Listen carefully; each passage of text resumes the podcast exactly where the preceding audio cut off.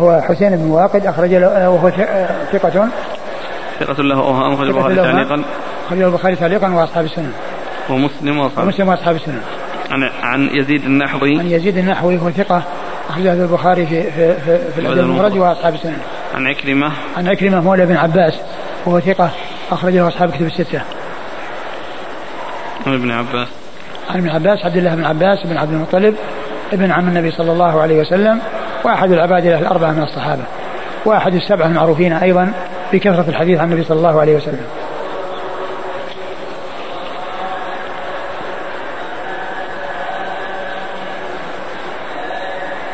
هذا ممكن يقال عنه نسخ ولا يقال تفسير المبهم هو تفسير المبهم بعض العلماء سماه نسخا ولكنه تفسير لأنه قال قد جعل الله لهن سبيلا فالسبيل هو كذا وكذا.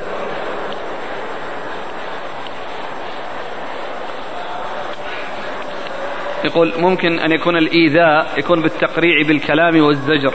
يقول. هذا ينقل أحد الأخوان ما ذكر المصدر. لا, لا هنا ما ذكر في أو المعبود ما ذكر شيء؟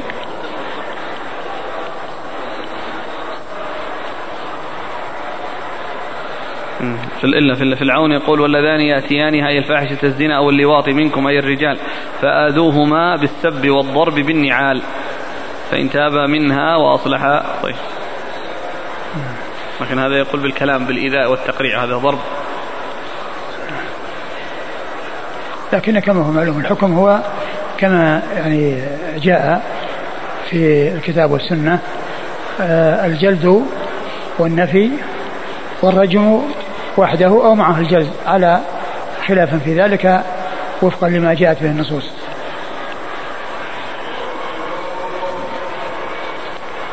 قال حدثنا أحمد بن محمد بن ثابت قال حدثنا موسى يعني بن مسعود عن شبل عن ابن أبي نجيح عن مجاهد قال السبيل الحد. ثم ورد أبو داود هذا الأثر عن مجاهد وفي تفسير السبيل في قوله قد جعل الله لهن سبيلا بأنه الحد. والحد هو الرجم آه، في حق المحصنين والجلد والتغريب في حق الأبكار. قال حدثنا أحمد بن محمد بن ثابت عن موسى يعني بن مسعود. موسى بن مسعود هو؟ صدوق سيء الحفظ اخرج البخاري وأبو داود والترمذي وابن ماجه. صدوق سيء الحفظ أخرجه أبو داود والترمذي. البخاري وأبو داود والترمذي وابن ماجه. البخاري وأبو داود والترمذي وابن ماجه. عن شبل. عن شبل وهو؟ ابن عباد ثقة أخرج له البخاري وأبو داود والنسائي وابن ماجه في التفسير. ثقة أخرجه أخرجه البخاري. وأبو داود وأبو داود والنسائي وابن ماجه في التفسير. عن ابن أبي نجيح. عن ابن أبي نجيح وهو عبد الله بن أبي نجيح وهو ثقة أخرج أصحاب الكتب. أصحاب الكتب الستة. عن مجاهد. عن مجاهد بن جبر المكي وهو ثقة أخرج أصحاب الكتب الستة. قال سفيان وهذا, وهذا يقال له مقطوع لأن المتن الذي ينتهي إسناده إلى التابع ومن دون التابع يقال له مقطوع كما يقال للمتن الذي ينتهي إسناده إلى الصحابي موقوف والمتن الذي ينتهي إسناده إلى النبي صلى الله عليه وسلم يقال له مرفوع. والمقطوع غير المنقطع لأن المقطوع من صفات المتون والمنقطع من صفات الأسانيد. يكون ساقط واحدة واثنين أو ثلاثة هذا انقطاع يقال له يقال له انقطاع. وأما الإسناد الذي ينتهي إلى من دون الصحابي اسمه المقطوع.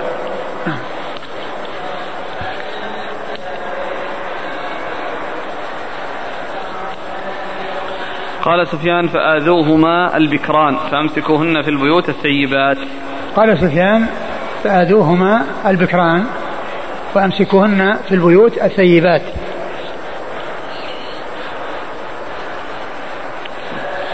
ما المراد بسفيان؟ سفيان هو الثوري. سفيان بن سعيد بن مسروق الثوري ثقة فقيه أخرج له أصحاب كتب الستة. قال حدثنا مسدد قال حدثنا يحيى عن سعيد بن أبي عروبة عن قتادة عن الحسن عن حطان بن عبد الله الرقاشي عن عبادة بن الصامت رضي الله عنه. قال قال رسول الله صلى الله عليه وآله وسلم خذوا عني خذوا عني قد جعل الله لهن سبيلا الثيب بالثيب جلد مئة ورمي بحجارة والبكر بالبكر جلد مئة ونفي سنة. ثم ورد أبو داود حديث عبادة بن الصامت رضي الله عنه. وفيه بيان السنة للقرآن حيث قال النبي صلى الله عليه وسلم خذوا عني خذوا عني. قد جعل الله لهن سبيلا. يعني يفسر قول الله عز وجل حتى يتوفاهن الموت أو يجعل الله لهن سبيلا. خذوا عني خذوا عني قد جعل الله لهن سبيلا. الثيب بالثيب جلد مئة والرجم والرجم بالحجارة والبكر بالبكر جلد مئة وتغريب عام. يعني معناه أن الجلد يكون للجميع للأبكار والثي... للأبكار والثي... ومن كان بكرا ومن كان ثيبا فإنه يجلد إلا أن الثيب يضاف إليه الرجم والبكر يضاف إليه التغريب لمدة سنة. وهذا الذي جاء في حديث يعني جابر حديث عبادة رضي الله عنه فيه زيادة زيادة التغريب على ما جاء في القرآن في حق الأبكار. لأن الذي جاء في القرآن آه الزانية والزاني فجلدوا كل أحد منهم مئة جلدة. وجاءت السنة في إضافة التغريب لمدة سنة. وجاء في هذا الحديث أيضا حديث عبادة بن صامت أن الرجم الذي جاء في القرآن المنسوخ التلاوة الباقي الحكم والذي جاء في الأحاديث الكثيرة أنه آه، يضاف إليه جلد مئة مئة جلدة. وقد اختلف العلماء هل البكر هل الثيب آه، يجلد مع الرجم؟ آه، الرجم متفق عليه لا خلاف فيه. وإنما خالف فيه بعض الخوارج جاء عن بعض الخوارج وخلافهم لا عبرة به. وكذا سيأتي أن عمر رضي الله عنه قال أخشى إن طلب الناس زمان أن يقول قائل لا نجد الرجم في كتاب الله. وقد حصل هذا الذي خشيه عمر فقد وجد في الخوارج من يقول بذلك. وجد في الخوارج من يقول بذلك وقال إن الرجم ليس في كتاب الله. الرجم ليس في كتاب الله. فأنكروه. وإنما اختلف العلماء في آه الثيب هل يجلد مع الرجم أو أنه يكتفى بالرجم؟ فمن العلماء من ذهب إلى ما جاء في حديث عبادة هذا من الجمع بينهما بأنه يجلد أول ويعاقب هذه العقوبة ثم يأتي بعد ذلك الرجم ثم يأتي بعد ذلك الرجم. ومنهم من قال إنه يرجم فقط بدون جلد وذلك لأنه جاء حديث كثيرة عن النبي صلى الله عليه وسلم فيها الرجم بدون الجلد. كما جاء في آية الرجم وجاء في قصة العسيف في قول النبي صلى الله عليه وسلم اغدوا يا أنيس إلى امرأة هذا فإن اعتبرت فارجمها وكذلك فعله حيث رجم ماعزا أو أمر برجم ماعز والغامدية. فبعض أهل العلم أخذ بهذا وبعضهم أخذ بهذا. والحقيقة المسألة مشكلة. ولهذا ال ال صاحب سبل السلام الصنعاني رحمه الله لما ذكر هذه المسألة وكان مال إلى أحد القولين ثم رجع عنه وقال إني أتوقف حتى يفتح الله وهو خير الفاتحين. ثم قولها الثيب بالثيب. ليس المقصود من ذلك أن أنه لا يكون الحد إلا إذا كان ثيب مع ثيب. وإنما المقصود أن الثيب آه، يرجم سواء كان زناه بثيب أو بذكر وكذلك المرأة إذا كانت آه، يعني آه، ثيبة يعني يعني لا ينظر إلى قضية أن أن الزنا إنما هو برجل ثيب فإن ذلك إنما هو للغالب. قالوا إن هذا يمكن إنه للغالب إن ذكر الثيب مع الثيب والبكر مع البكر وإلا فإنه لو صار بكر مع ثيب أو ثيب مع بكر فإن من كان محصنا يرجم سواء كان رجلا أو امرأة ومن كان بكرا فإنه يجلد مئة ويغرب سنة. يجلد مئة ويغرب سنة. فإذا قوله الثيب بالثيب والبكر بالبكر لا يكون خاصا فيما إذا كان بين بكرين وبين ثيبين.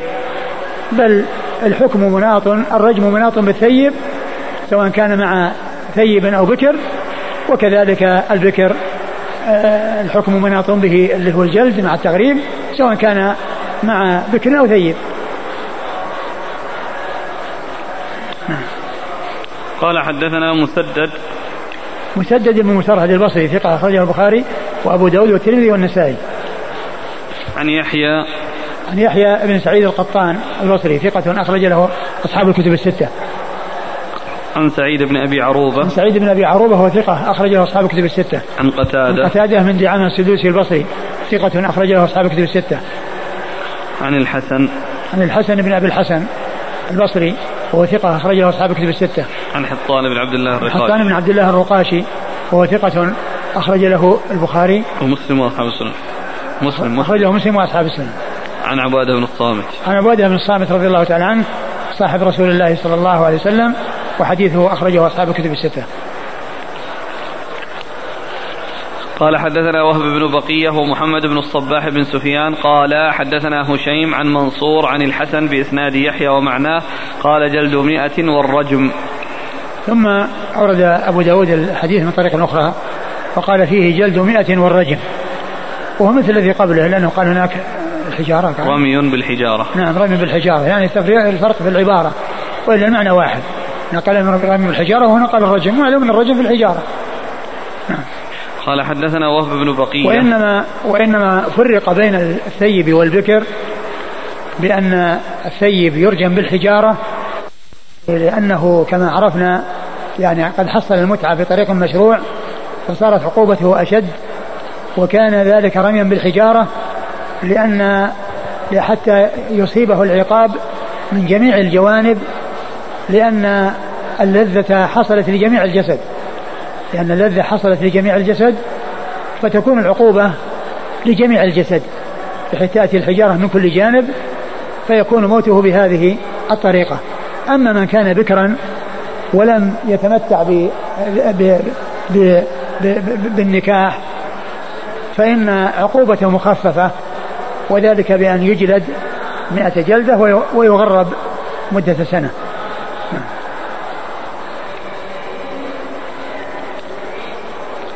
قال حدثنا وهب بن بقية.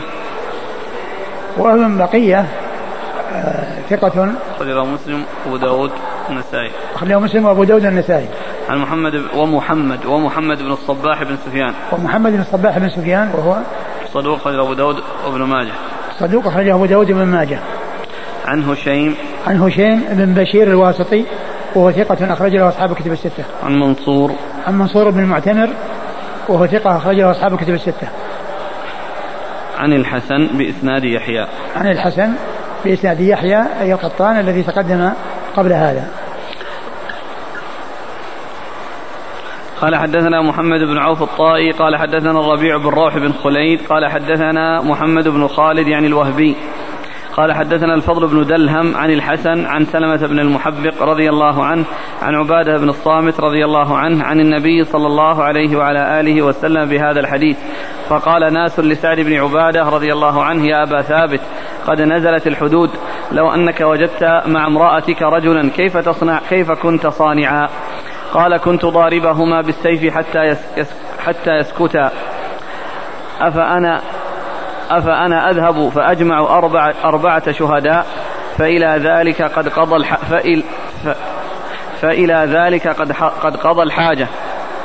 فانطلقوا فانطلقوا فاجتمعوا عند رسول الله صلى الله عليه وآله وسلم فقالوا يا رسول الله ألم تر إلى أبي ثابت قال كذا وكذا؟ فقال رسول الله صلى الله عليه وآله وسلم كفى بالسيف شاهدا ثم قال لا لا أخاف أن يتتايع فيها السكران والغيران. ثم ورد أبو داود حديث عبادة بن الصامت من طريق أخرى وفيه زيادة وهي أن آه، عبادة آه، سعد بن عبادة يعني قيل له لو أن رجلا وجد مع امرأته يعني كذا قال إنه يقطعهما بالسيف ولا حتى يسكت يعني حتى يموت ولا يتركهما ليأتي بأربعة شهود يعني يرون ويشاهدون. فيكون قضى حاجته وهرب.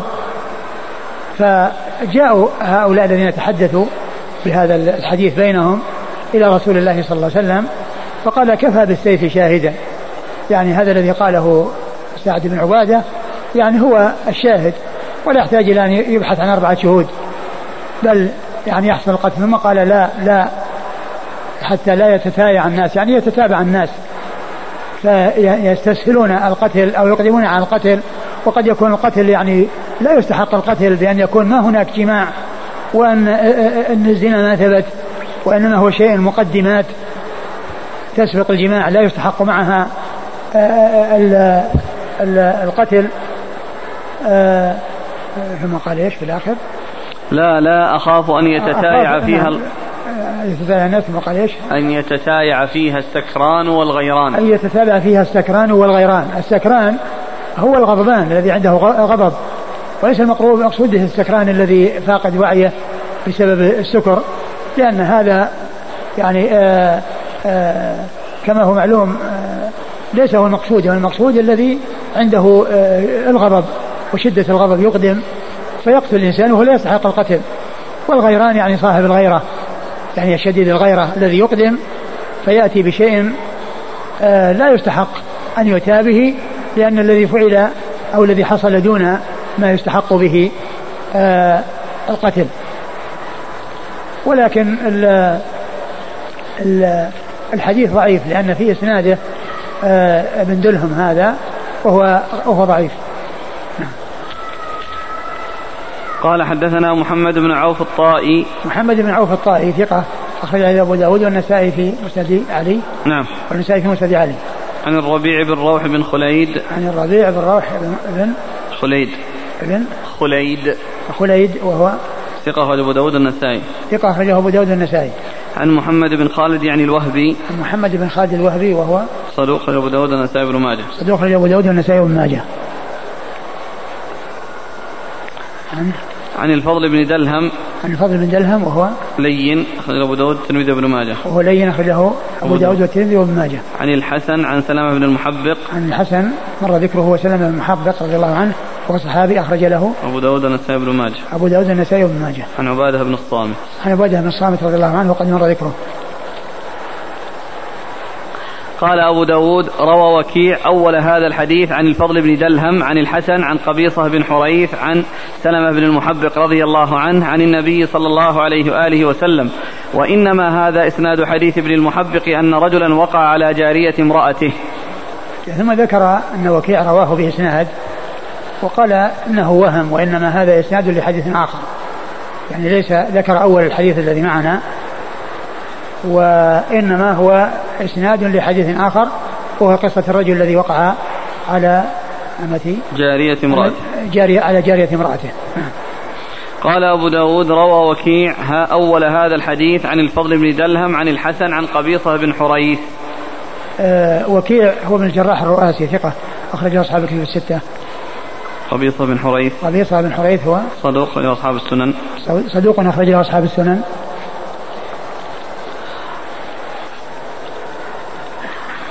قال أبو داود الفضل بن دلهم ليس بالحافظ كان قصابا بواسط. قال أبو داود الفضل بن دلهم ليس ليس بالحافظ كان قصابا بواسط. يعني هذا تعريف به قصاب يعني جزار. قال حدثنا عبد الله بن محمد النفيلي قال حدثنا هشيم قال حدثنا الزهري عن عبيد الله بن عبد الله بن عتبة عن عبد الله بن عباس رضي الله عنهما أن عمر يعني بن الخطاب رضي الله عنه خطب فقال إن الله بعث محمدا صلى الله عليه وعلى آله وسلم بالحق وأنزل عليه الكتاب فكان فيما أنزل أو فيما أنزل عليه آية الرجم فقرأناها ووعيناها ورجم رسول الله صلى الله عليه وآله وسلم ورجمنا من بعده وإني خشيت إن طال بالناس الزمان أن يقول قائل ما نجد آية الرجم في كتاب الله فيضل بترك فريضة أنزلها الله تعالى.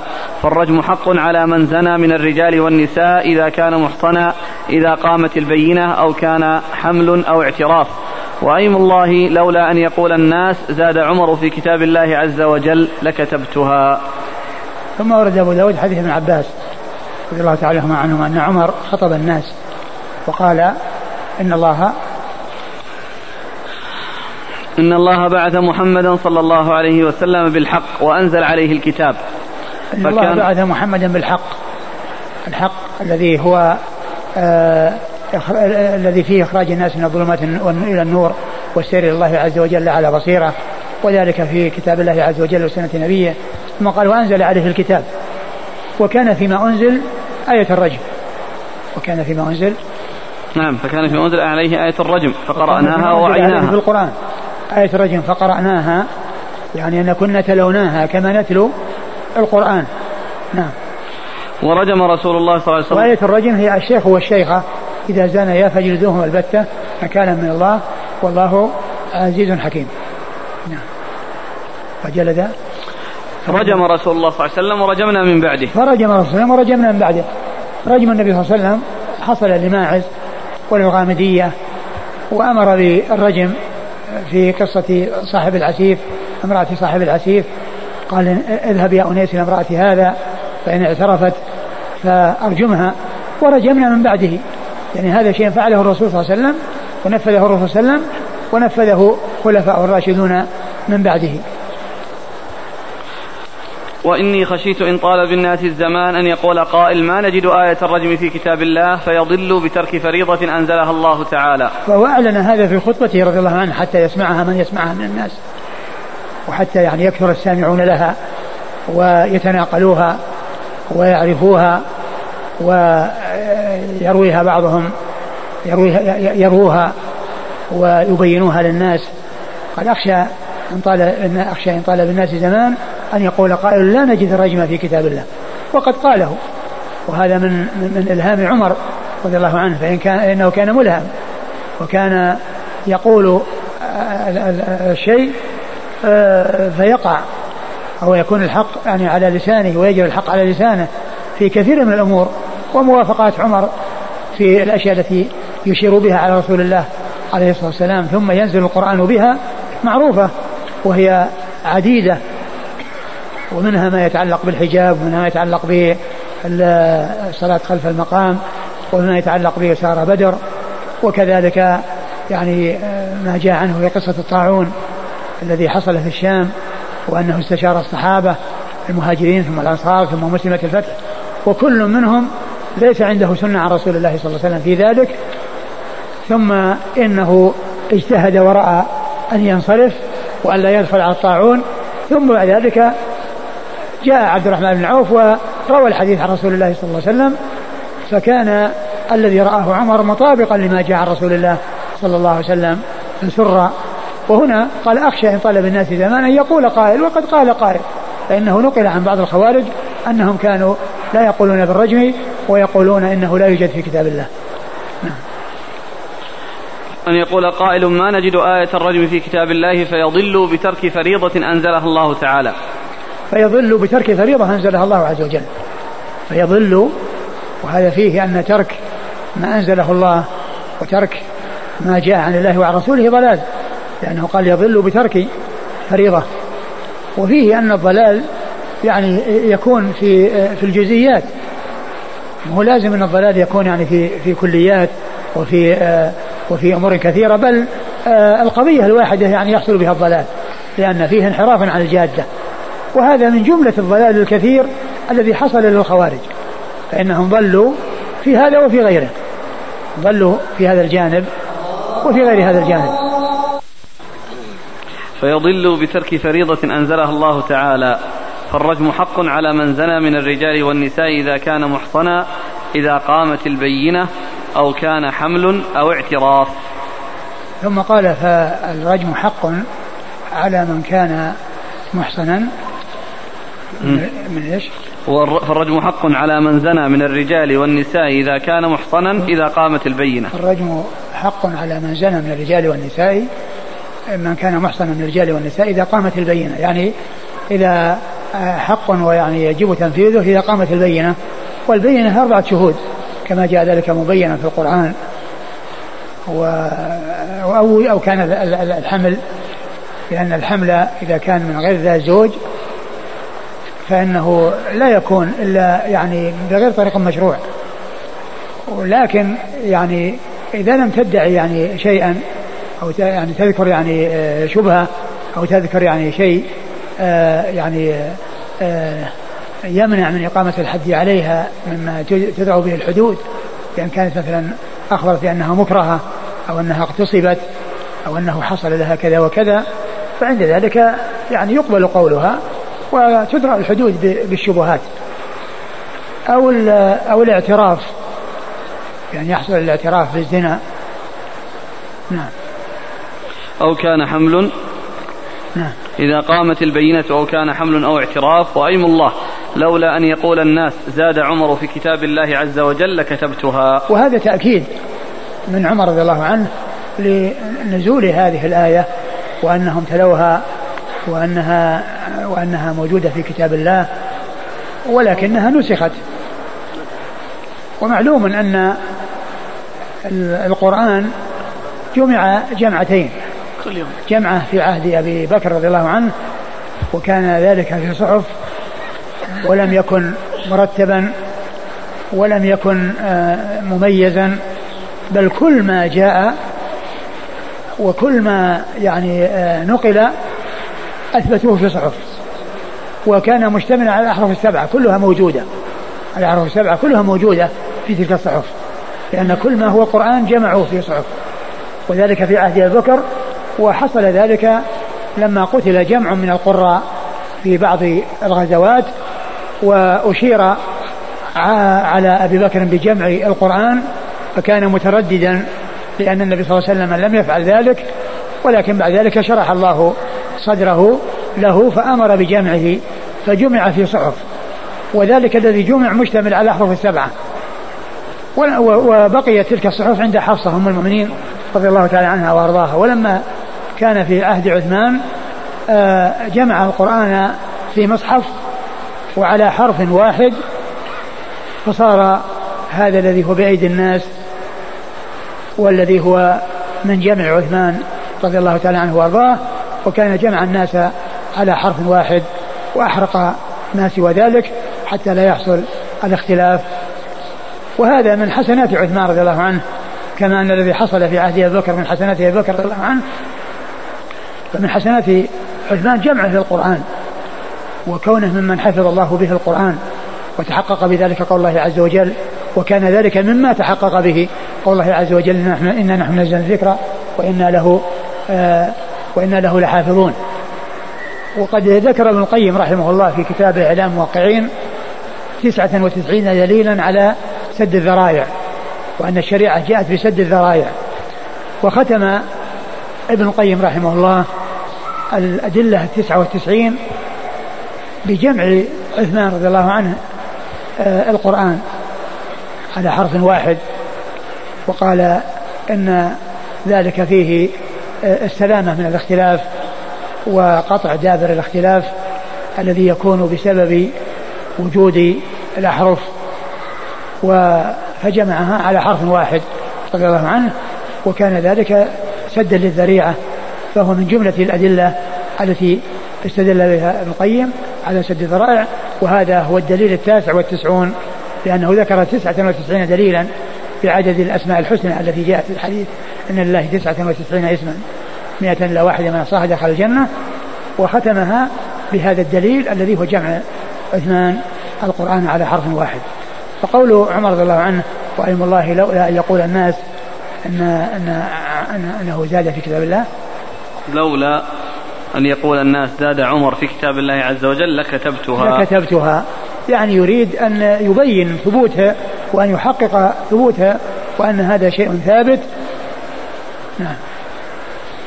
قال حدثنا عبد الله بن محمد النفيلي. عبد الله محمد النفيلي ثقة أخرجه البخاري وأصحاب السنن عن هشيم. عن هشيم مر ذكره. عن الزهري. عن الزهري محمد بن مسلم بن عبيد الله بن شهاب الزهري ثقة فقيه أخرج له أصحاب الكتب الستة. عن عبيد الله بن عبد الله بن عن عبيد الله بن عبد الله بن عتبة مسعود وهو ثقة فقيه. أحد فقهاء المدينة السبعة في عصر التابعين أخرج حديثه آه، أصحاب الكتب الستة. عن ابن عباس. عن ابن عباس عبد الله بن عباس رضي الله عنهما وقد مر ذكره. عن عمر. عن عمر رضي الله عنه أمير المؤمنين. وثاني الخلفاء الراشدين الهادين المهديين صاحب المناقب الجمة والفضائل الكثيرة رضي الله عنه وأرضاه وحديثه عند أصحاب الكتب الستة. انتهى الباب. والله تعالى أعلم وصلى الله وسلم وبارك على عبده ورسوله نبينا محمد وعلى آله وأصحابه أجمعين. جزاكم الله خيرا وبارك الله فيكم ونفعنا الله بما قلتم. صاحب العون نقلا عن الحافظ يقول المحصن إذا كان محصنا أي بالغا عاقلا قد تزوج حرة تزويجا صحيحا وجامعها. السؤال التقييد بالحرة. يعني لو كان قد تزوج امرأة أمة. ما يقال له محصن؟ والله الذي يبدو أنه محصن لأن لأن الفائدة والمتعة حصلت تحصل بهذه وبهذه. طيب إذا كان قد تسرى تسريا بإمائه ولم يتزوج. وهذا لا شك إنه مما تحصل به الفائدة في قول الله عز وجل والذين هم لفروجهم حافظون إلا على أزواجهم أو ما ملكت أيمانهم فإنهم غير ملومين ومن ابتغى وراء ذلك فأولئك هم العادون. لكن هو هل يحصل الإحصان بالتسري وانه يعني يثبت وأنه يكون آه، المؤاخذة بالرجم في من كان متسريا ومالكا لأمه. آه، من حيث المعنى آه، الاستفادة بطريق مشروع موجودة. لكن هل يكون يعتبر ذلك إحصانا يكون معه استحقاق الرجم أو لا؟ لا أدري. ويسأل إخوة عن قضية الإحصان. هل المراد العقد أو الدخول؟ حتى يعتبر محصن. والله الذي يبدو أن المقصود به الدخول لأن هذا هو الذي به الاستمتاع.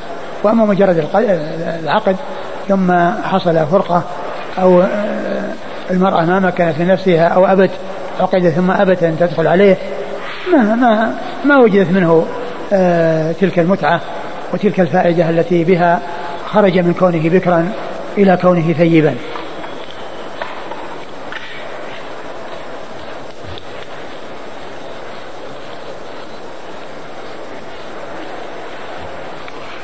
ذكرتم أن قتل شارب الخمر يكون في الرابعة.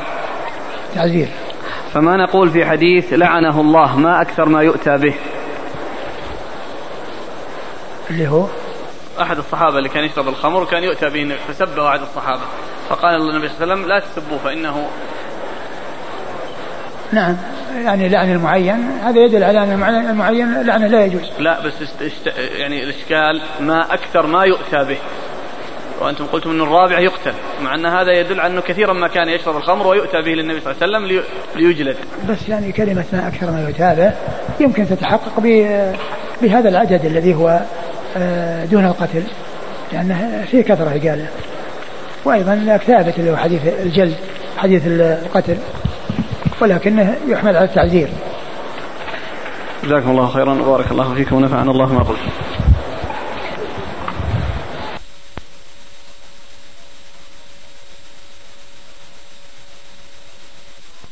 بسم الله الرحمن الرحيم الحمد لله رب العالمين والصلاة والسلام على عبد الله ورسوله نبينا محمد وعلى آله وصحبه أجمعين أما بعد قال الإمام أبو داود السجستاني رحمه الله تعالى باب رجم ماعز بن مالك رضي الله عنه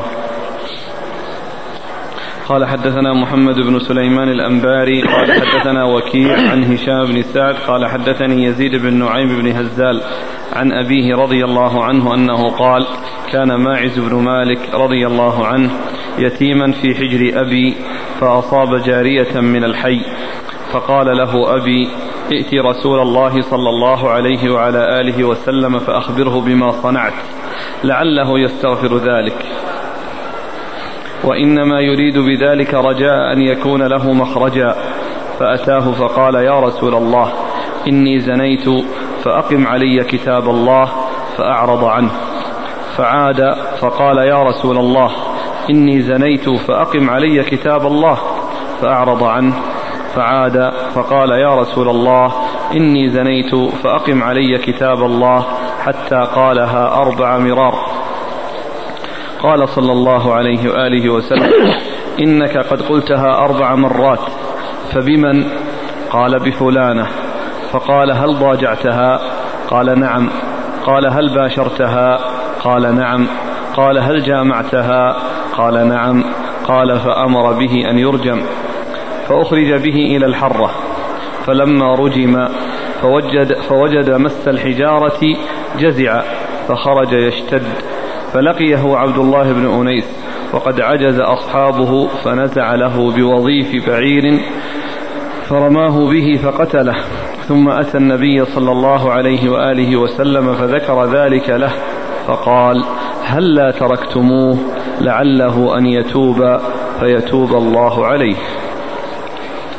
بسم الله الرحمن الرحيم الحمد لله رب العالمين وصلى الله وسلم وبارك على عبده ورسوله نبينا محمد وعلى آله وأصحابه أجمعين. أما بعد فقد سبق لأبي داود رحمه الله أن أورد قبل هذا باب الرجم وأورد جملة من الأحاديث المختلفة المتعددة عن جماعة من الصحابة في بيان آه، الرجم وحكمه وأنه ثابت في كتاب الله في القرآن الذي نسخ لفظه وبقي حكمه وكذلك في سنة رسول الله صلى الله عليه وسلم من قوله وفعله من قوله ومن فعله في في قضايا متعددة. ولما كان من جملة من اشتهر في الرجم ماعز رضي الله عنه وكذلك الغامدية رضي الله عنها أفرد كل منهما بترجمة وأورد الأحاديث المختلفة المتعلقة بما آه، حصل منهما وما حصل وكذلك آه، رجمهما وما جرى من الأمور التي حصلت قبل ذلك وبعد ذلك. فقال باب رجم ماعز بن مالك رضي الله تعالى عنه أي ما ورد فيه من الأحاديث. وقد أورد أبو داود في عدة أحاديث عن جماعة من الصحابة. كل هذه الأحاديث تحكي قصة رجم ماعز رضي الله تعالى عنه وما جرى قبل رجمه من اعترافه وطلب تطهيره وما جرى في رجمه وما آه، وكيف انتهى أمره. فأورد أبو داود حديث آه، نعيم بن بن هزال رضي الله تعالى عنه أنه قال إن ماعزا كان يتيما في حجر أبي وأنه آه، زنى بجارية من الحي يعني جارية أمه جارية من الحي أي من القبيلة. ف فقال له آه، آه، هزال رضي الله عنه ائتي رسول الله صلى الله عليه وسلم وأخبره. ائتي رسول الله صلى الله عليه وسلم وأخبره يعني بالذي حصل. وكان يريد من وراء ذلك رجاء أن يكون له مخرج يعني مما قد حصل له. فجاء إلى رسول الله عليه الصلاة والسلام وأخبره بالذي حصل. الرسول صلى الله عليه وسلم سأله عدة أسئلة للتحقق من آه، حصول الجماع وحصول الزنا حقيقة وأنه في الفرج وأنه ليس مجرد لمس ولا مجرد نظر ولا شيء من ذلك وإنما هو الجماع الحقيقي. فعند ذلك رسول الله صلى الله عليه وسلم أمر برجمه وذهبوا يرجمونه. ولما آه أصابته الحجارة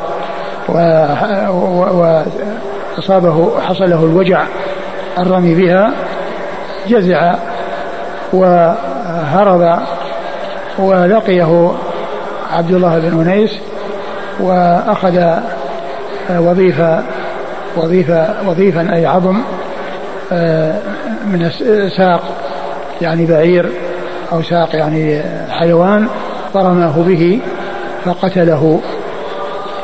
أعد المتن.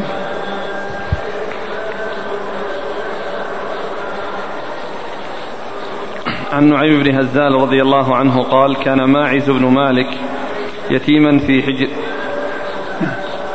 في حجر أبي فأصاب جارية من الحي فقال له أبي ائت رسول الله صلى الله عليه وآله وسلم فأخبره بما صنعت لعله يستغفر ذلك وإنما يريد بذلك رجاء أن يكون له مخرجا فأتاه كلمة يكون له مخرجا الأصل أن يكون له مخرج. أن يكون له مخرج لأن لأن آه، كان وأخواتها إذا جاء إذا كان الخبر يعني جارا ومجرورا فإنه يكون آه، الاسم الذي بعدها يكون مرفوعا على عكس إن وأخواتها فإن إنه إذا جاء الجار مجرور يكون الاسم بعد ذلك يكون اسمها يعني يكون منصوبا. يعني آه، يكون منصوبا. وهنا يعني يكون مرفوعا. وهنا جاء مخرجا منصوب. والأصل أن يكون مرفوعا. وسواء يعني آه، قيل إن كان تامة أو ناقصة لأنها إن كانت تامة فيكون آه، آه، مخرج هو الفاعل. وإن كان وإن كانت ناقصة يكون اسمها مؤخر وخبرها الجار مجرور مقدم. فما أدري يعني وجه يعني هذه العبارة هل هي صحيحة أو مستقيمة أو أنها جاءت خطأ في الكتاب. شوف عون المعبود نسخته وش فيها مخرجا. قال الطيبي اسم كان يرجع إلى المذكور وخبره مخرجا. أن يكون أن يكون اسم كان يرجع إلى المذكور وخبره مخرجا وله ظرف لغو كما في قوله تعالى ولم يكن له كفوا أحد والمعنى يكون إتيانك وإخبارك رسول الله صلى الله عليه وسلم مخرجا لك. هذا فين؟ في العون المعبود. العون المعبود يكون إتيانك نعم هذا له وجه. يعني إذا كان المقصود بهذا شيء مقدر يعني يكون إتيانك يكون مخرجا يمشي. نعم. فأتاه فقال يا رسول الله إني زنيت فأقم علي كتاب الله فأعرض عنه فعاد فقال يا رسول الله إني زنيت فأقم علي كتاب الله فأعرض عنه فعاد فقال يا رسول الله إني زنيت فأقم علي كتاب الله حتى قالها أربع مرار ثم ذكر أنه قال ذلك أربع مرات وجاء في بعضها أنه مرتين وفي بعضها أنه ثلاث. وأعلى ما جاءه أربع مرات. ولهذا اختلف العلماء هل لا بد من الاعتراف أربع مرات كما أن الشهود يكون أربعة. فإذا لم يجد الشهود يكون أربع مرات.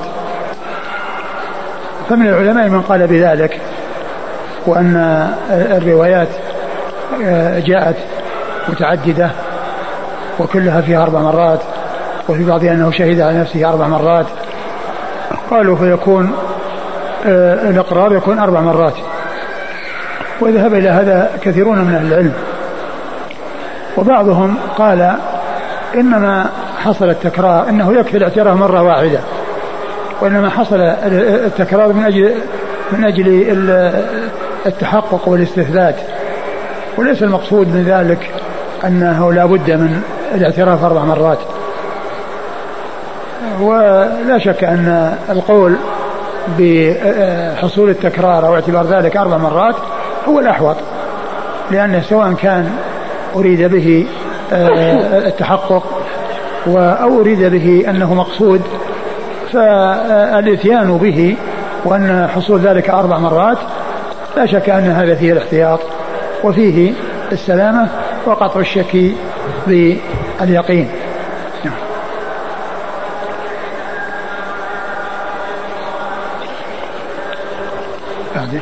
قال صلى الله عليه وآله وسلم إنك قد قلتها أربع مرات فبمن؟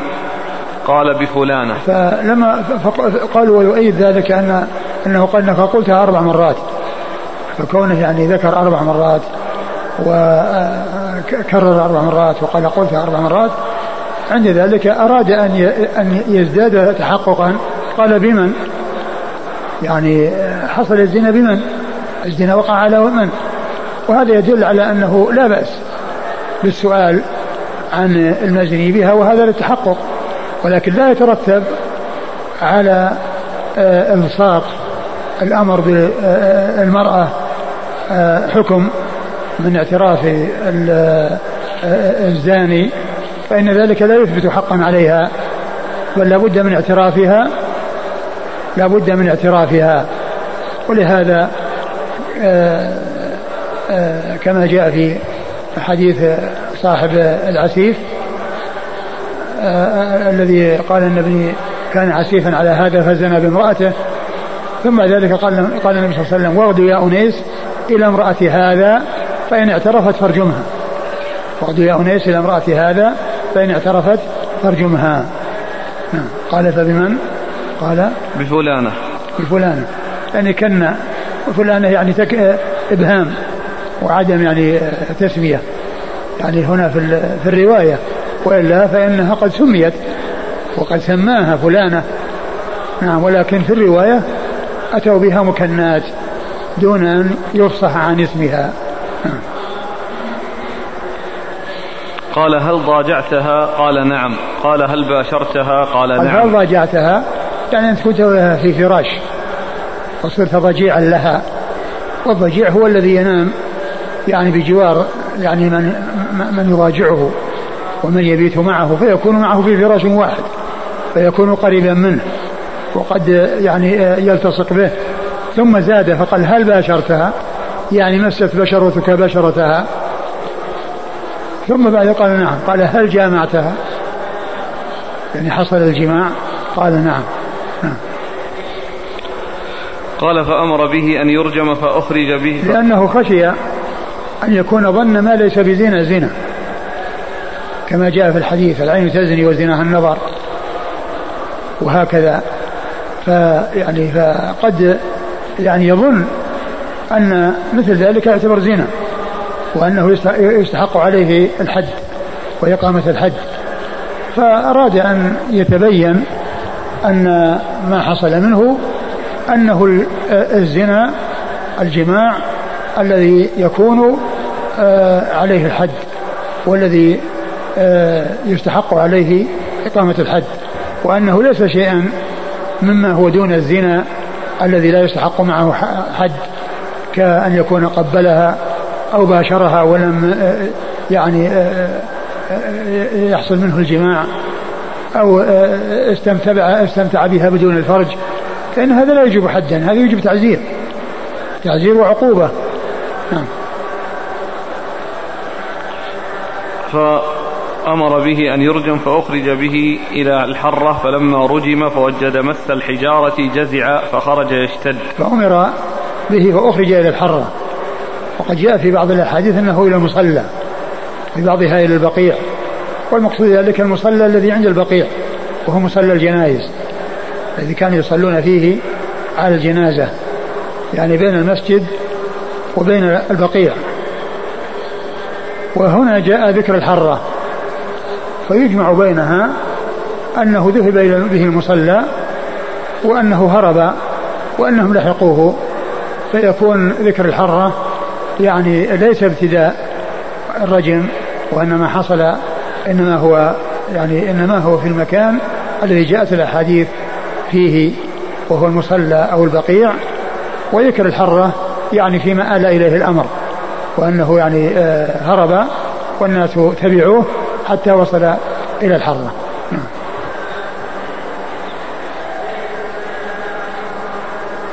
فلما وجد مس الحجارة جزع فخرج يشتد فلقي فلما وجد مس الحجارة يعني شدتها وألم الضرب بالحجارة وقع الحجارة عليه هرب يشتد يعني يجري ويركض بسرعة هاربا نعم. وهذا يفيد بأنهم آه، ما ربطوه حفروا له حفرة لأنه هرب. لأنه لو كان مربوطا ما استطاع أن يهرب. ولو كان محفورا له بحفرة ومدفون بعضه ما استطاع أن يهرب. ولكن هذا يفيد بأنه ما كان حصل له حفرة يدفن بعضه فيها أو أسفل فيها ولا مربوطا بحيث لا يستطيع الهرب. فلقيه عبد الله بن أنيس وقد عجز أصحابه فنزع له بوظيف بعير قد عجز أصحابه الذين لحقوه يعني أن أن يدركوه. ف فنزع له بوظيف بعير فرماه به فقتله. فنزع له بوظيف بعير يعني عظم بعير وهو الذي عظم ساق البعير. فرماه به أو حذفه به فأصابه وقتله.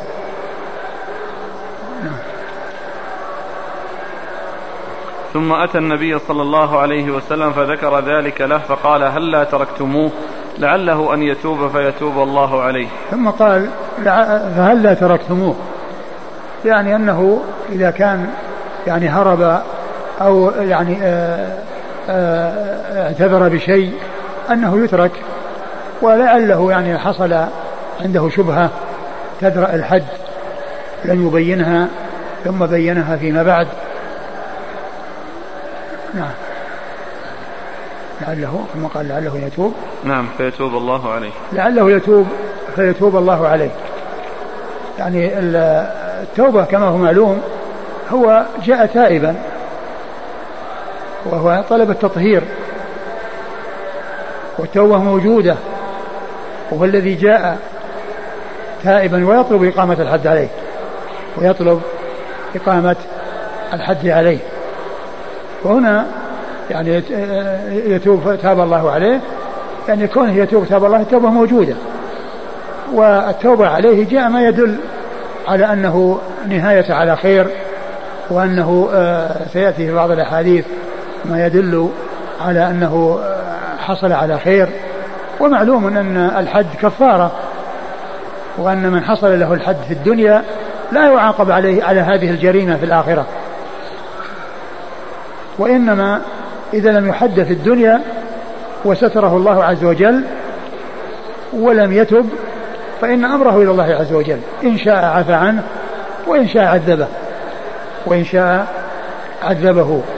وعلى هذا فيكون يعني قوله يتوب فيتوب الله عليه يعني معناه أنها آآ آآ أنه يعني يعني يحصل له سلامة من القتل بالتوبة هو التوبة موجودة من قبل.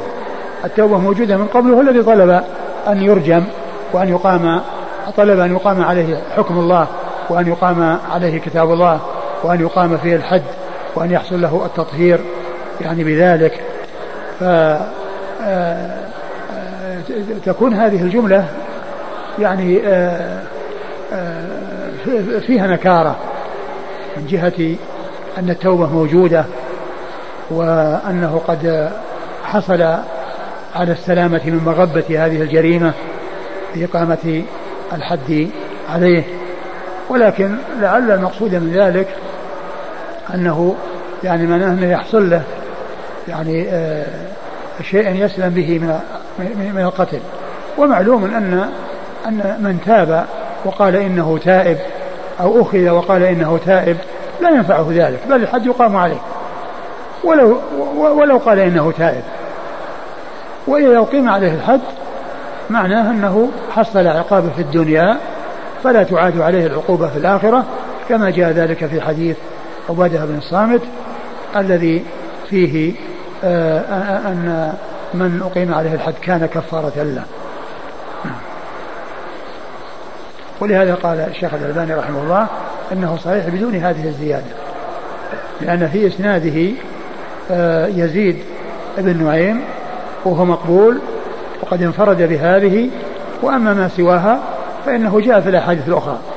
وأما ما سواها فإنه جاء في الأحاديث الأخرى عن غير آه، نعيم بن هزال. فله شواهد. إلا هذه الجملة التي فيها لعله أن يتوب فيتوب الله عليه هذه انفرد بها أو جاءت بهذا الإسناد أو بهذا بهذا المتن الذي في إسناده يزيد يزيد بن نعيم بن هزال وهو مقبول لا يحتج بحديثه إلا إذا توبع. وغير هذه الجملة وجد ما يؤيده من الشواهد عن جماعة من الصحابة سيأتي ذكرهم عند أبي داود رحمه الله. نعم. قال ماذا قال في عون المعبود عند هذه الجملة؟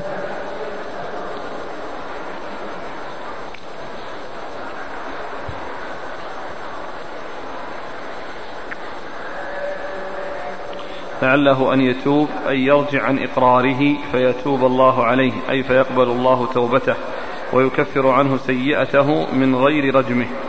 قال القاري قال الطيبي الفاءات المذكورة. هذا لا يستقيم. يعني لعله يتوب يرجع فيتوب الله عليه بدون رجم لأنه يعني ما دام أنه يعني ثبت يعني فهو إذا رجع وذكر يعني شيء يعني أو كذب نفسه أو أنه يعني أتى بأمر يدرأ فيه الحد نعم. يعني لأنه إنما آه، آه، أقيم عليه الحد بإقراره فإذا عدل عن إقراره أو أتى بشبهة آه، تدرع عن الحد فإنه لا يؤاخذ. أما ما دام أن أن أن الزنا موجود وهو مقر به ولم يرجع عنه ولم يكن هناك شبهة تدرأ بها الحدود فإنه يقام عليه الحد ولو قال إنه تائب. ولو قال إنه تائب. وإذا أخذ وقال أنا تبت ما ينفع أن يقال أنا تبت. يعني آآ آآ آآ تقطع يده أو يقام عليه الحد ويكون ذلك كفارة له. وشرح التوبة بمعنى الرجوع عن الإقرار. نعم. نعم وإذا رجع عن الإقرار ينفع ذلك.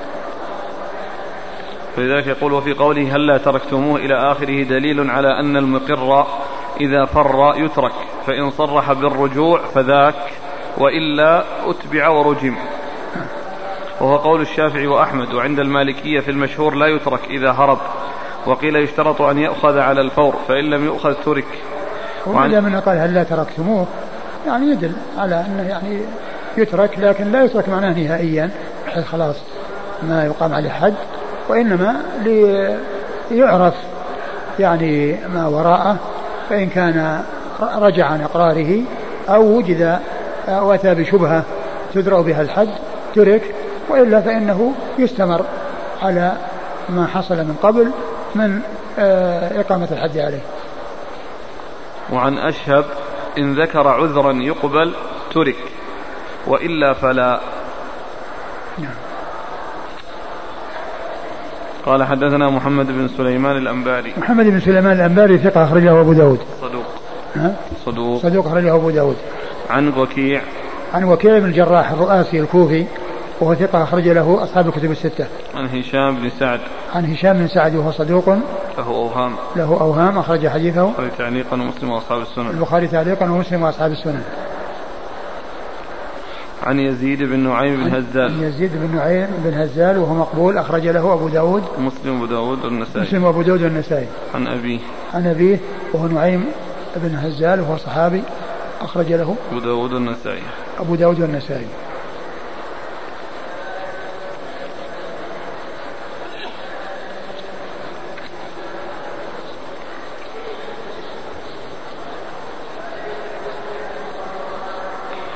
قال حدثنا عبيد الله بن عمر بن ميسرة قال حدثنا يزيد بن زريع عن محمد بن إسحاق قال ذكرت لعاصم بن عمر بن قتادة قصة ماعز بن مالك رضي الله عنه فقال لي حدثني حسن بن محمد بن علي بن أبي طالب قال حدثني ذلك من قول رسول الله صلى الله عليه وآله وسلم فهلا تركتموه؟ من شئتم من رجال أسلم ممن لا أتهم. قال ولم أعرف هذا الحديث. قال فجئت جابر بن عبد الله رضي الله عنهما فقلت إن رجالا من أسلم يحدثون أن رسول الله صلى الله عليه وآله وسلم قال لهم حين ذكروا له جزع مالك حين, حين ذكروا له جزع ماعز من الحجارة حين أصابته. ألا تركتموه؟ وما أعرف الحديث. قال يا ابن أخي أنا أعلم الناس بهذا أنا أعلم الناس بهذا الحديث. كنت في من رجم الرجل. إنا لما خرجنا به فرجمناه فوجد مس الحجارة صرخ بنا يا قوم ردوني إلى رسول الله صلى الله عليه وآله وسلم فإن قومي قتلوني وغروني من نفسي وأخبروني أن رسول الله صلى الله عليه وآله وسلم غير قاتلي فلم ننزع عنه حتى قتلناه فلما رجعنا إلى رسول الله صلى الله عليه وآله وسلم وأخبرناه قال فهلا تركتموه وجئتموني به ليستثبت رسول الله صلى الله عليه وآله وسلم منه؟ فأما, لترك فأما لترك حد فلا. قال فعرفت وجه الحديث. ثم ورد أبو داود حديث جابر بن عبد الله الأنصاري رضي الله عنه في قصة آه، آه، رجم ماعز وأن حسن بن محمد آه، ابن علي بن أبي طالب الذي هو أبوه ابن الحنفية المشهور بابن الحنفية آه، قال أنه حدثني من لا أتهم من أسلم أن يعني الذين هم قوم ماعز وجماعة ماعز وقبيلة ماعز أن أن أنه جاء في الحديث أنه قال ألا تركتموه وأنه ما عرف وجه الحديث فأراد فقال له جابر أنا عندي العلم في هذا وأنني كنت في من رجمه وأننا لما رجمناه أنه صرخ وقال ردوني إلى رسول الله صلى الله عليه وسلم فإن فإن قومي عملوا كذا وكذا فقتلناه. فلما بلغ ذلك الرسول الله قال ألا تركتموه؟ ثم بين جابر رضي الله عنه أن الرسول صلى الله عليه وسلم لما قال ألا تركتموه؟ يقصد من وراء ذلك الاستثبات والتحقق من أمره وهل يرجع أو يذكر شيئا يعذر به ويدرأ به الحد أما لترك الحد فلا. أما أن يعني الرسول يعني يقول هل لا تركتموه؟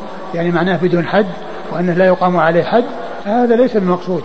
وإنما آه الذي يريده رسول الله صلى الله عليه وسلم من قوله ألا تركتموه آه أي آه حتى يتحقق من أمره وحتى يستثبت وأنه يرجع عن إقراره أو يذكر شيئا آه آه يكون عذرا له في عدم إقامة الحد عليه. أما كونه يترك ولا يقام عليه حد فهذا لا يكون وهذا هو الذي فهمه جابر بن عبد الله رضي الله عنه من قول النبي صلى الله عليه وسلم ألا تركتموه؟ فهم أن المقصود الاستثبات وليس المقصود ذلك ترك الحد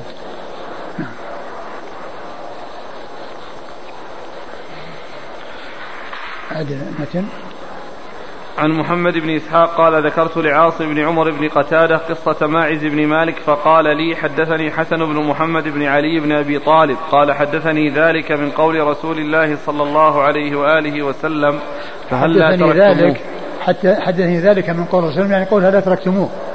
الذي فيه الذي فيه الترك. ولم يعني يعرف وجه الحديث فجاء إلى جابر الذي هو حسن بن محمد بن علي وأخبره فقال أنا الذي كنت شاهدا فصار الحديث عن جابر رضي الله عنه وهو الذي يحدث بهذا الحديث وبهذا الذي ذكر أنه سمعه ممن لا يتهم من أسلم الذين هم قوم ماعز وقبيلة ماعز وأن الرسول صلى الله عليه وسلم قد قال ذلك وقال ألا تركتموه وأنه يقصد من وراء ذلك الاستثبات ولا يقصد من ذلك ترك الحد وأنه لا يقام عليه حد لأنه هرب أو قال اتركوني. نعم. قال حدثني ذلك من قول رسول الله صلى الله عليه وآله وسلم فهلا تركتموه من شئتم من رجال أسلم ممن لا أتهم؟ من, من, من شئتم هذا هذا فاعل حدثني. من شئتم يعني من من يعني من تريدون من, من هو من أهل الثقة ومن أهل العدالة ممن لا يتهمون. ولكنه ما وقف عند هذا ولكنه ذهب إلى جابر بن عبد الله رضي الله عنه وحدثه بالحديث. فصار الحديث متصلا عن جابر رضي الله عنه وفيه ذكر الترك وفيه وجه الترك. قال ولم أعرف هذا الحديث؟ قال فجئت جابر بن عبد الله رضي الله عنهما فقلت إن رجالا من أسلم يحدثون أن رسول الله صلى الله عليه وسلم قال لهم حين ذكروا له جزع مالك حين, حين ذكروا له جزع ماعز عن الحجارة من الحجارة حين أصابته ألا تركتموه؟ هو المقصود ألا تركتموه. هذه الجملة. ولهذا قال في الأول من لا أتهم من الحديث أنه, أنه قال ألا تركتموه. وما أعرف الحديث؟ قال يا ابن أخي أنا أعلم الناس بهذا الحديث. كنت في من رجم الرجل. إنا لما خرجنا به فرجمناه فوجد مس الحجارة صرخ بنا يا قوم ردوني إلى رسول الله صلى الله عليه وآله وسلم فإن قومي قتلوني وغروني من نفسي. وأخبروني أن رسول الله صلى الله عليه وآله وسلم غير قاتلي. توجيه الكلام يعني أنه كأنه يعني معناه أنه فهم أن, أن ولهذا سبق أن قال لعله يستغفر لك يستغفر ذلك كما مر في حديث كلام هزال الذي قال له اذهب إلى الرسول صلى صلى الله عليه وسلم. فلم ننزع عنه حتى قتلناه. فلما رجعنا إلى رسول الله صلى الله عليه وآله وسلم وأخبرناه قال فهلا تركتموه وجئتموني به ليستثبت رسول الله صلى الله عليه وآله وسلم منه فأما لترك حد فلا. قال فعرفت وجه الحديث. قال حدثنا عبيد الله بن عمر بن ميسرة عبيد الله بن عمر بن ميسرة هو القواريري وهو ثقة أخرج له. البخاري ومسلم وداود النسائي. البخاري ومسلم وأبو داود النسائي. عن يزيد بن زريع. عن يزيد بن زريع وهو ثقة أخرج له أصحاب الكتب الستة. عن محمد بن إسحاق. عن محمد بن إسحاق المدني وهو صدوق أخرج حديثه البخاري تعليقا ومسلم وأصحاب السنن. عن عاصم بن عمر بن قتادة. عن عاصم بن عمر بن قتادة بن النعمان وهو ثقة أخرجه أصحاب الكتب. ثقة أخرجه أصحاب الكتب الستة. عن حسن بن محمد بن علي. عن الحسن بن محمد بن علي أبوه محمد بن علي بن أبي طالب المشهور بابن الحنفية وهو ثقة أخرج له حسن. أصحاب الكتب أخرج أصحاب الكتب الستة. عن جابر. عن جابر بن عبد الله الأنصاري رضي الله تعالى عنهما وهو صحابي جليل أحد السبعة المعروفين بكثرة الحديث عن النبي صلى الله عليه وسلم. قال حدثنا أبو كامل قال حدثنا يزيد بن زريع قال حدثني خالد يعني الحذاء عن عكرمة عن ابن عباس رضي الله عنهما أن ماعز بن مالك رضي الله عنه أتى النبي صلى الله عليه وآله وسلم فقال إنه زنى فأعرض عنه فأعاد عليه مرارا فأعرض عنه فسأل قومه أمجنون هو؟ قالوا ليس به بأس. قال أفعلت بها؟ قال نعم. فأمر به أن يرجم فانطلق به فرجم ولم يصل عليه. ثم ورد أبو داود حديث ابن عباس رضي الله تعالى عنهما أن ماعزا آه، جاء واعترف آه، عند النبي صلى الله عليه وسلم بأنه زنا زنا وأنه أعرض عنه وأنه آه، عاد ذلك يعني إليه مرارا أي أن ماعزا يعني يكرر يعني ذلك فالرسول صلى الله عليه وسلم عندما كرر ذلك سأل قومه وقال هل تعلمون به جنون؟ يعني هل تعلمون به جنون بمعنى أن آه، في عقله خلل وأن هذا الذي حصل منه لكونه غير سليم العقل وأنه فاقد الوعي وأنه ليس فقالوا ما أنهم ما يعلمون يعني شيئا من ذلك. فقال أفعلت؟ فقال أفعلت ذلك؟ في الآخر. فقال إنه زنى فأعرض عنه فأعاد عليه مرارا فأعرض عنه فسأل قومه أمجنون هو؟ قالوا ليس به بأس. قال أفعلت بها؟ قال نعم. قال أفعلت بها يعني زنت بها. يعني وهذا إجمال للفعل ولكنه جاء توضيحه يعني بأنه آه، جامعها كما ذكر أولا هل ضاجعتها؟ هل آه، باشرتها؟ هل جامعتها؟ يعني خطوات. نعم.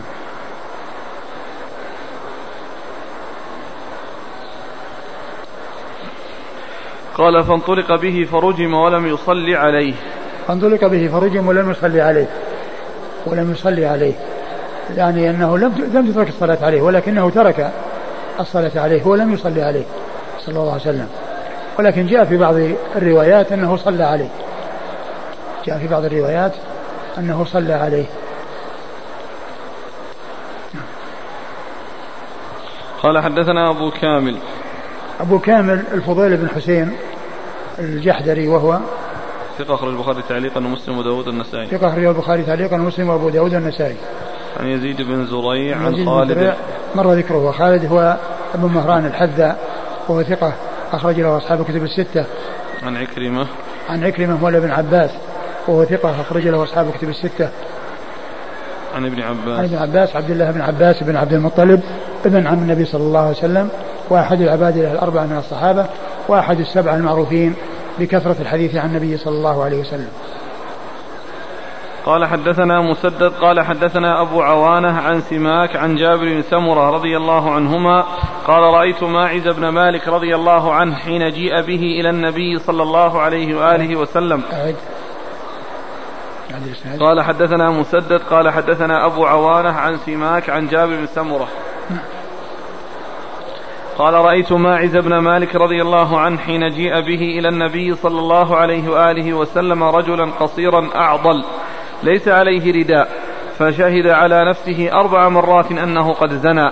فقال رسول الله صلى الله عليه وآله وسلم فلعلك قبلتها. قال لا والله إنه قد زنى الأخر.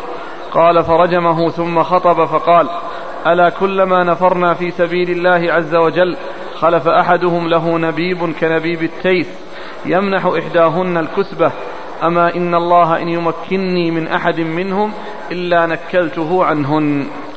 ثم ورد أبو داود حديث جابر بن ثمرة رضي الله عنه في قصة ماعز رضي الله عنه وأنه جاء إلى النبي صلى الله عليه وسلم واعترف مرارا بأنه قد زنى إيش قال؟ يقول جابر بن سمرة رأيت ماعز بن مالك حين جيء به إلى النبي صلى الله عليه وسلم رجلا قصيرا أعضل ليس عليه رداء. قصيرا يعني هذا وصف لماعز. رجل قصير ليس بالطويل أعضل يعني مشتد العضلات يعني عنده عضلات يعني إنه مشتدة أو يعني قوية يعني هذا هو المقصود بالأعضل. نعم. ليس عليه رداء فشهد على نفسه أربع مرات أنه قد زنى. يعني شهد على نفسه أنها قال أني زنيت ويكررها أربع مرات. فقال رسول الله صلى الله عليه وسلم فلعلك قبلتها؟ قال لا والله إنه قد زنى الأخر. قال لعلك قبلتها يعني واعتبر أن التقبيل زنا. يعني أن خشي أن يكون اعتبر ما ليس بزنا زنا. ليس بزنا؟ اعتبره زنا كالتقبيل أو المباشرة أو اللمس أو ما إلى ذلك. ومعلوم أن الحد إنما يكون إذا حصل الجماع الذي لا خفاء فيه والذي فيه العلاج. وأما المباشرة وما يتعلق بها فإن ذلك لا يكون فيه الحد ولكن يكون فيه التعزير. ثم قال إنه, إنه يعني نفسه الآخر يعني ذم له يعني يذم نفسه. نعم. قال فرجمه ثم خطب فقال قال فرجمه يعني أمر برجمة. يعني رجمه أمر برجمة. الرسول ما باشر رجمة ولكنه أمر برجمه ولهذا ينسب يعني الفعل إليه لكونه الآمر به وليس لكونه المباشر له. ولهذا الرسول قال أرجموه وهم ذهبوا به ورجموه. وقد مر أنهم آه، قال ردون يا رسول الله فإذا قوله رجمة يعني معناه أنه أمر برجمة. ثم خطب فقال ألا كلما نفرنا في سبيل الله عز وجل خلف أحدهم له نبيب كنبيب التيس يمنح إحداهن الكسبة أما إن الله إن يمكنني من أحد منهم إلا نكلته عنهن. ثم خطب عليه الصلاة والسلام وقال أن ما بال يعني الرجل يعني إذا سافر للجهاد في سبيل الله وخلفه في أهله يعني بعض الأشخاص الذين يوصون ب يوصونهم بأهاليهم فيقدم أو تحدث نفسه بالسوء فيعطي آه، الواحدة من نساء من آه، سافروا للجهاد واستخلفوا ذلك الشخص الذي يكون قائما بشؤونهم ومشرفا عليهم وقاضيا لحوائجهم. يمنحها الكثبة يعني الشيء المقدار من اللبن أو غيره ثم آه، يفعل بها الفاحشة ثم إنه قال يعني إن مكن له من أحد منهم لا أنكل به وأجعله نكالا لغيره يعني من حصل منه شيء من ذلك. وهذا فيه تهديد وتخويف حتى لا يقدم آه، من تحدث نفسه بسوء إلى ما هو آه، إلى إلى فعل تلك الفاحشة التي هي من أعظم الفواحش وهي الزنا. نعم.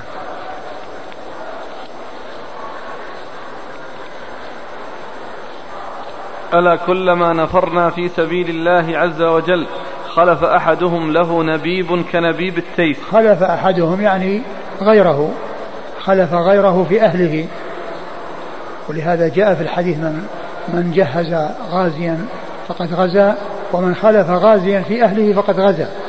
يعني معناه أنه يعني يقوم ب يعني بالنيابة عنه في قضاء حوائجهم والمحافظة عليهم ودفع الشر عنهم. فيكون وكيلا له يعني يقوم مقامه. يكون له نبيب كنبيب التيس وهو الصوت الذي يحصل له من شدة الشهوة. وللرغبة في آه، الجماع. له نبيب كنبيب التيس يمنح إحداهن الكثبة. أما إن الله أن يمكن إلا نكلته عنهن. إلا نكلته يعني جعلته نكالا لغيره. هذا الكلام له علاقة بما حصل من ماعز كأنه خلف أحد بهذا الوضع ما أدري لكن يعني قد يكون كذلك وقد يكون أنها أنه عام. وقد يكون أن هذا من هذا القبيل. قال حدثنا مسدد. مسدد هو من مسرهد البصري ثقة. أخرجه البخاري وأبو داود والترمذي والنسائي. عن أبي عوانة. عن أبي عوانة الوضاح بن عبد الله اليشكري. وهو ثقة أخرج له أصحاب الكتب الستة. عن سماك. عن سماك بن حرب وهو صدوق أخرجه البخاري تعليقا ومسلم وأصحاب السنن. عن جابر بن سمرة رضي الله عنه وهو صحابي أخرج له أصحاب الكتب الستة. وهذا رباعي وهو من أعلى الأسانيد عند أبي داود رحمه الله. قال حدثنا محمد بن المثنى عن محمد بن جعفر عن شعبة عن سماك قال سمعت جابر بن سمرة رضي الله عنهما بهذا الحديث والأول أتم قال فرده مرتين قال سماك فحدثت به سعيد بن جبير فقال إنه رده أربع مرات ثم ورد أبو داود الحديث من طريق أخرى وفيه أنه رده مرتين وعن عن سعيد بن جبير قال أربع مرات ولعل مقصود ذلك أن المرتين يعني آه، صارت يعني مع بعض ومرتين مع بعض فتكون أربع مرات. فيكون يعني الأول فيه اختصار بمعنى أنه ذكر المرتين الأوليين دون المرتين الأخريين دون المرتين الأخريين فلا ينافي ما جاء من أنه أربع مرات بمعنى أن يكون فيه اختصار وأنه كان يعني أنه كان يعني حصل ذلك منه آه، مرتين ثم مرتين. فيكون يعني جاء في بعض الرواة ذكر المرتين الأوليين وعدم ذكر المرتين الأخيرتين. وبعضهم ذكر الأربع. الاثنتين والاثنتين التي مجموعهما أربع. قال حدثنا محمد بن المثنى. محمد المثنى هو العنزي أبو موسى الملقب الزمن ومشهور بكنيته. ولهذا يأتي ذكره عند الحافظ بن حجر عندما يذكر الشيوخ والتلاميذ يقول وأبو موسى. ما يقول محمد المثنى. وإنما يذكر روى عن فلان وفلان وأبو موسى. فأبو موسى المراد به محمد بن المثنى لأنه مشهور بكنيته. ولهذا يذكر بها اختصارا آه، عن الاسم واسم الأب. ولقبه الزمن. وهو ثقة أخرج له أصحاب الكتب الستة بل هو شيخ لأصحاب الكتب الستة. روى عنه مباشرة وبدون واسطة. وهو من صغار شيوخ البخاري. لأنه توفي قبل وفاة البخاري بأربع سنوات بأربع سنوات. لأن البخاري توفي 256 ومحمد المثنى توفي سنة 252 252 ومثله في ذلك محمد بن بشار ويعقوب بن إبراهيم الدورقي. فإن هؤلاء الثلاثة من صغار شيوخ البخاري وكلهم من شيوخ أصحاب الكتب الستة وكلهم وهم جميعا ماتوا في سنة واحدة. وهي سنة 52 و200 محمد المثنى ومحمد بن بشار ويعقوب بن إبراهيم الدورقي. هؤلاء الثلاثة من شيوخ أصحاب الكتب الستة وماتوا في سنة واحدة. وهم من صغار شيوخ البخاري الذي هو أول أصحاب الكتب الستة. الذي هو أول أصحاب آه، الكتب الستة.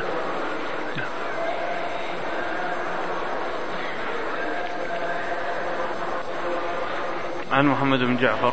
عن محمد بن جعفر وهو ملقب غندر البصري وهو ثقة أخرج له أصحاب الكتب الستة. عن شعبة. عن شعبة بالحجاج الواسطي ثم البصري وهو ثقة وصف بأنه أمير المؤمنين في الحديث وحديثه أخرجه أصحاب الكتب الستة.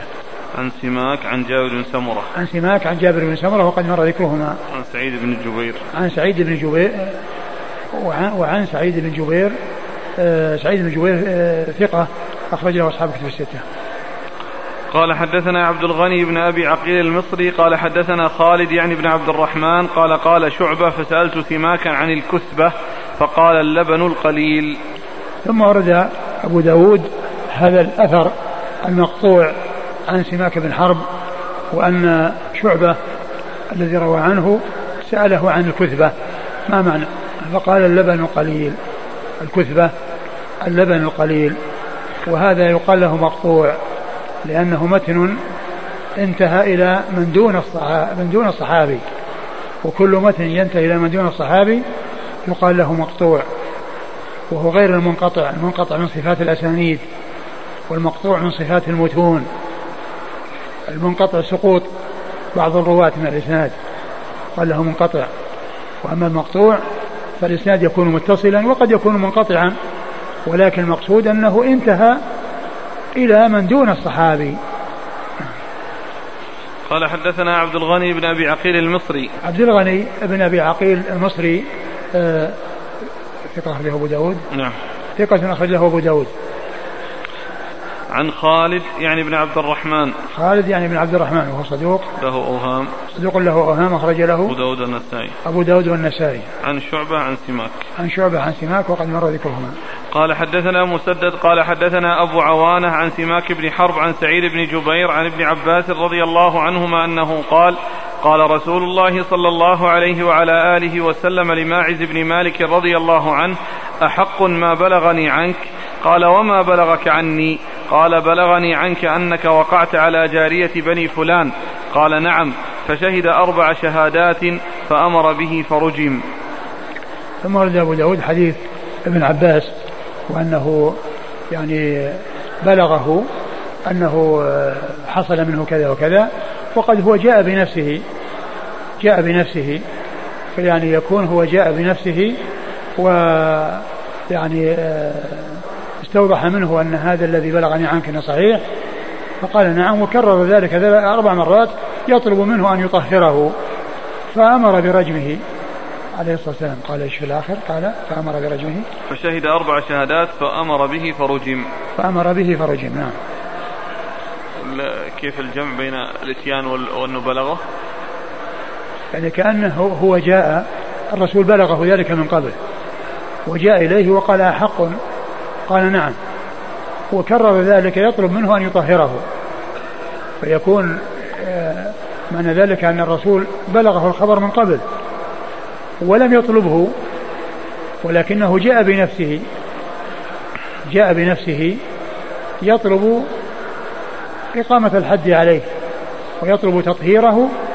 فالرسول صلى الله عليه وسلم أعرض عنه ثم بعد ذلك بعد أن شهد على نفسه أربع شهادات أمر برجمه قال حدثنا مسدد عن أبي عوانة عن سماك بن حرب عن سعيد بن جبير عن ابن عباس. وقد مر ذكر الإسناد. قال حدثنا نصر بن علي قال أخبرنا أبو أحمد قال أخبرنا إسرائيل عن سماك بن حرب عن سعيد بن جبير عن ابن عباس رضي الله عنهما أنه قال جاء ماعز بن مالك رضي الله عنه إلى النبي صلى الله عليه وآله وسلم فاعترف بالزنا مرتين فطرده ثم جاء فاعترف بالزنا مرتين فقال شهدت على نفسك أربع مرات اذهبوا به فارجموه. ثم ورد أبو داود حديث ابن عباس بطريقة أخرى وفي تفصيل المرات وهناك سبق المرة قال مرتين.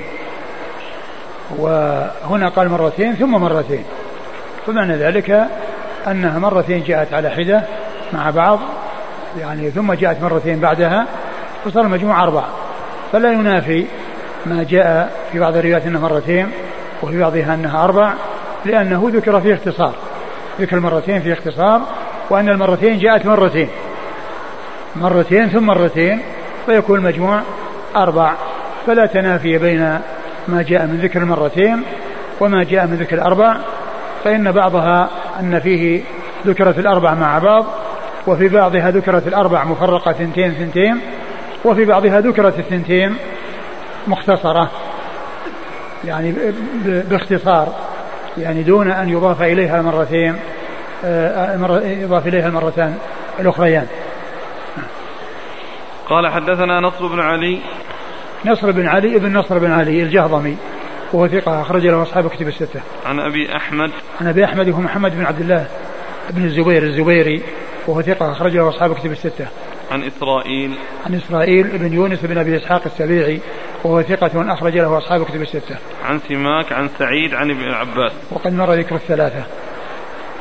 قال حدثنا موسى بن إسماعيل قال حدثنا جرير قال حدثني يعلى عن عكرمة أن النبي صلى الله عليه وآله وسلم قال حاء وحدثنا زهير بن حرب وعقبة بن مكرم قال حدثنا وهب بن جرير قال حدثنا أبي قال سمعت يعلى يعني ابن حكيم يحدث عن عكرمة عن ابن عباس رضي الله عنهما أن النبي صلى الله عليه وآله وسلم قال لماعز بن مالك رضي الله عنه لعلك قبلت أو غمزت أو نظرت.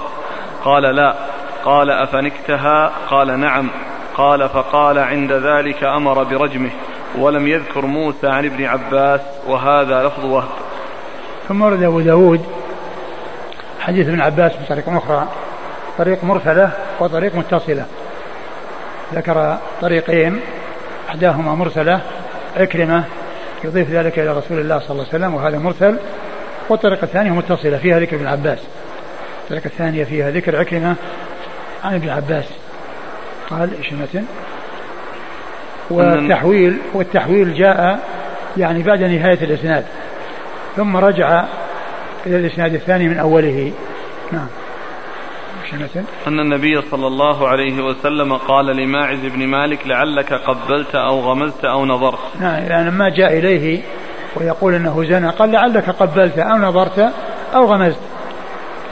يعني آه، لعله فهم أن أن ما ليس بزنا زنا وظن أن التقبيل يكون زنا وظن أنه كونه نظر بشهوة زنا أو كونه لمسها يكون زنا وأنه يستحق عليه إقامة الحد فكل ذلك يقول لا.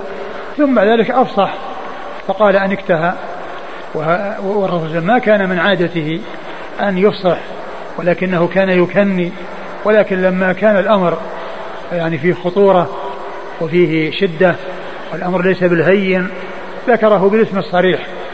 كل ذلك من أجل التحقق من أن الذنب الذي حصل يستحق عليه الرجم لأن الرجم عقوبة خطيرة وعقوبة كبيرة ليست بالهينة فأراد أن يكون آه، متحققا من أن ذلك الذي حصل منه أنه ليس شيئا ليس بزنا وإنما هو الزنا الحقيقي الذي يستحق عليه الرجم فلهذا أمر برجمه صلوات الله وسلامه وبركاته عليه.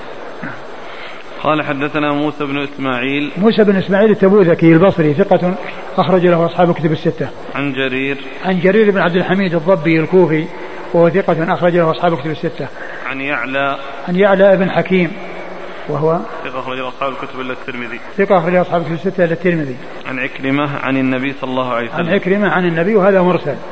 لأن التابعي إذا أضاف الشيء إلى الرسول عليه الصلاة والسلام يقال له مرسل. وهذا هو المرسل باصطلاح المحدثين.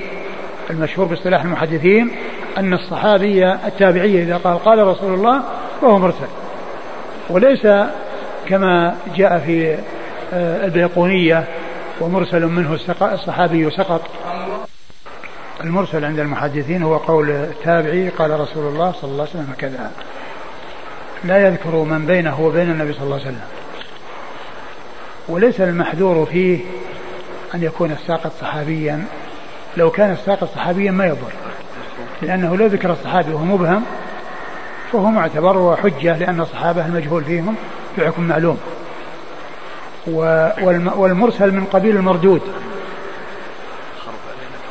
ليس من أجل أن ساقط صحابي لأن لو كان ما سقط إلا الصحابي ما في إشكال. ولكن كان ضعيفا أو كان مردودا أو من قبيل المردود لأن الساقط يحتمل أن يكون صحابيا وأن يكون تابعيا. وعلى فرض أنه تابعي يحتمل أن يكون ضعيفا وأن يكون ثقة. فمن أجل ذلك رد المرسل. وأما لو كان السقوط للصحابي فقط هذا ما يؤثر. وهنا الطريقة الثانية بينت أن الساقط هو الصحابي الذي هو عبد الله بن عباس. فإذا هذه الطريق المرسلة معروف الواسطة فيها وأنه صحابي. وعلى هذا ف يعني تعريف صاحب البيقونية في آه، أن المرسل ما سقط منه الصحابي هذا تعبير غير دقيق لأن المرسل في اصطلاح المحدثين هو الذي يقول فيه التابعي قال رسول الله صلى الله عليه وسلم كذا ويحتمل أن يكون صحابيا وأن يكون تابعيا. وإذا كان تابعيا يحتمل أن يكون ثقة وأن يكون ضعيفا. وأما الصحابي إذا عرف ما فيه إلا يكفيه أن يقال صحابي.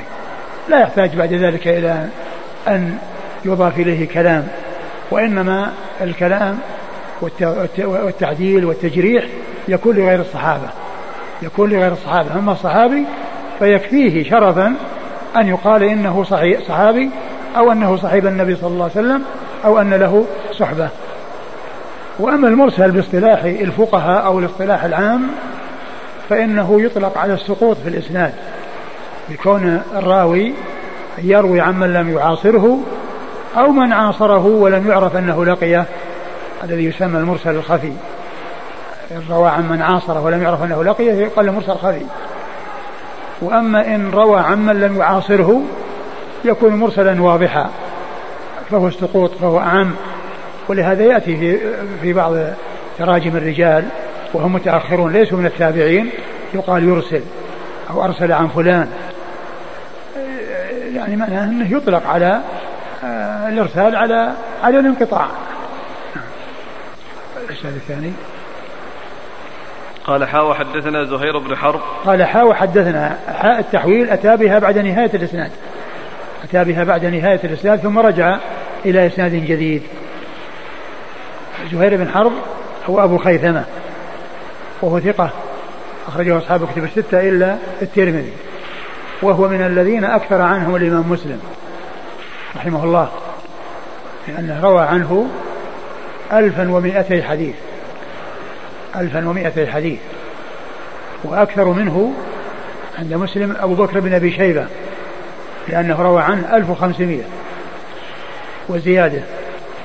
ويعتبر أبو خيثمة زهير بن حرب ممن أكثر عنهم الإمام مسلم حيث روى عنه ألفا ومائة حديث وزيادة.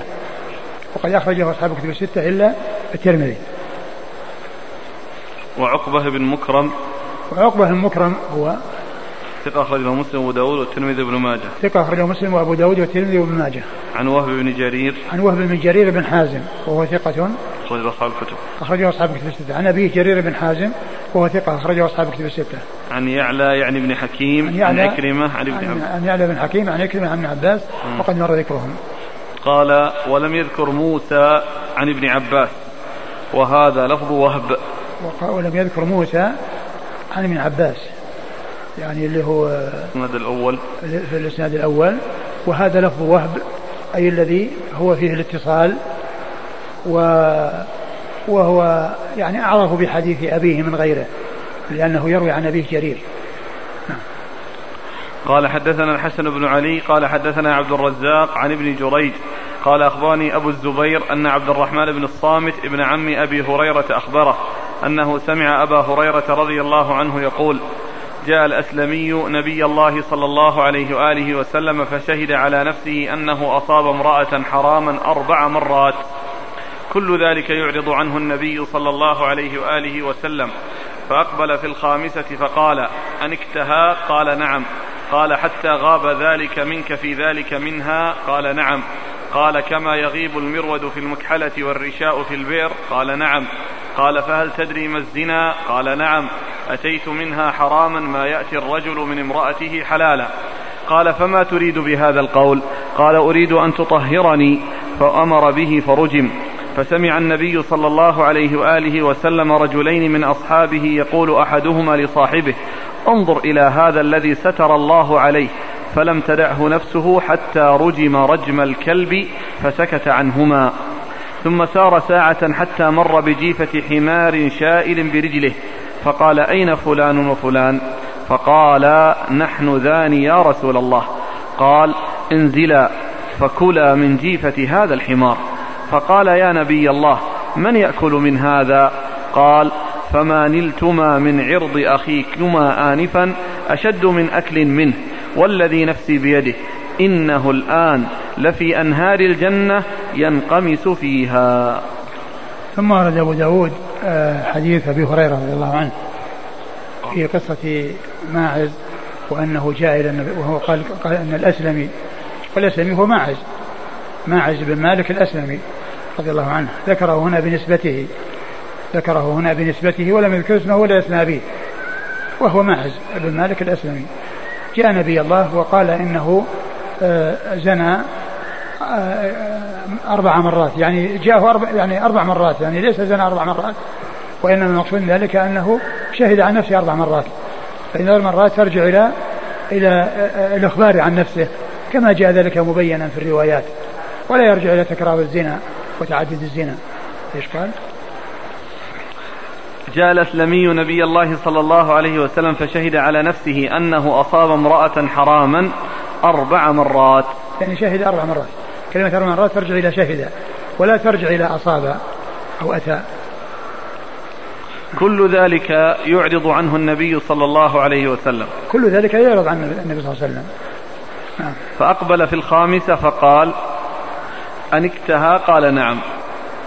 نعم يعني صرح يعني باسم الجماع الذي لا يحتمل شيئا آخر سواه.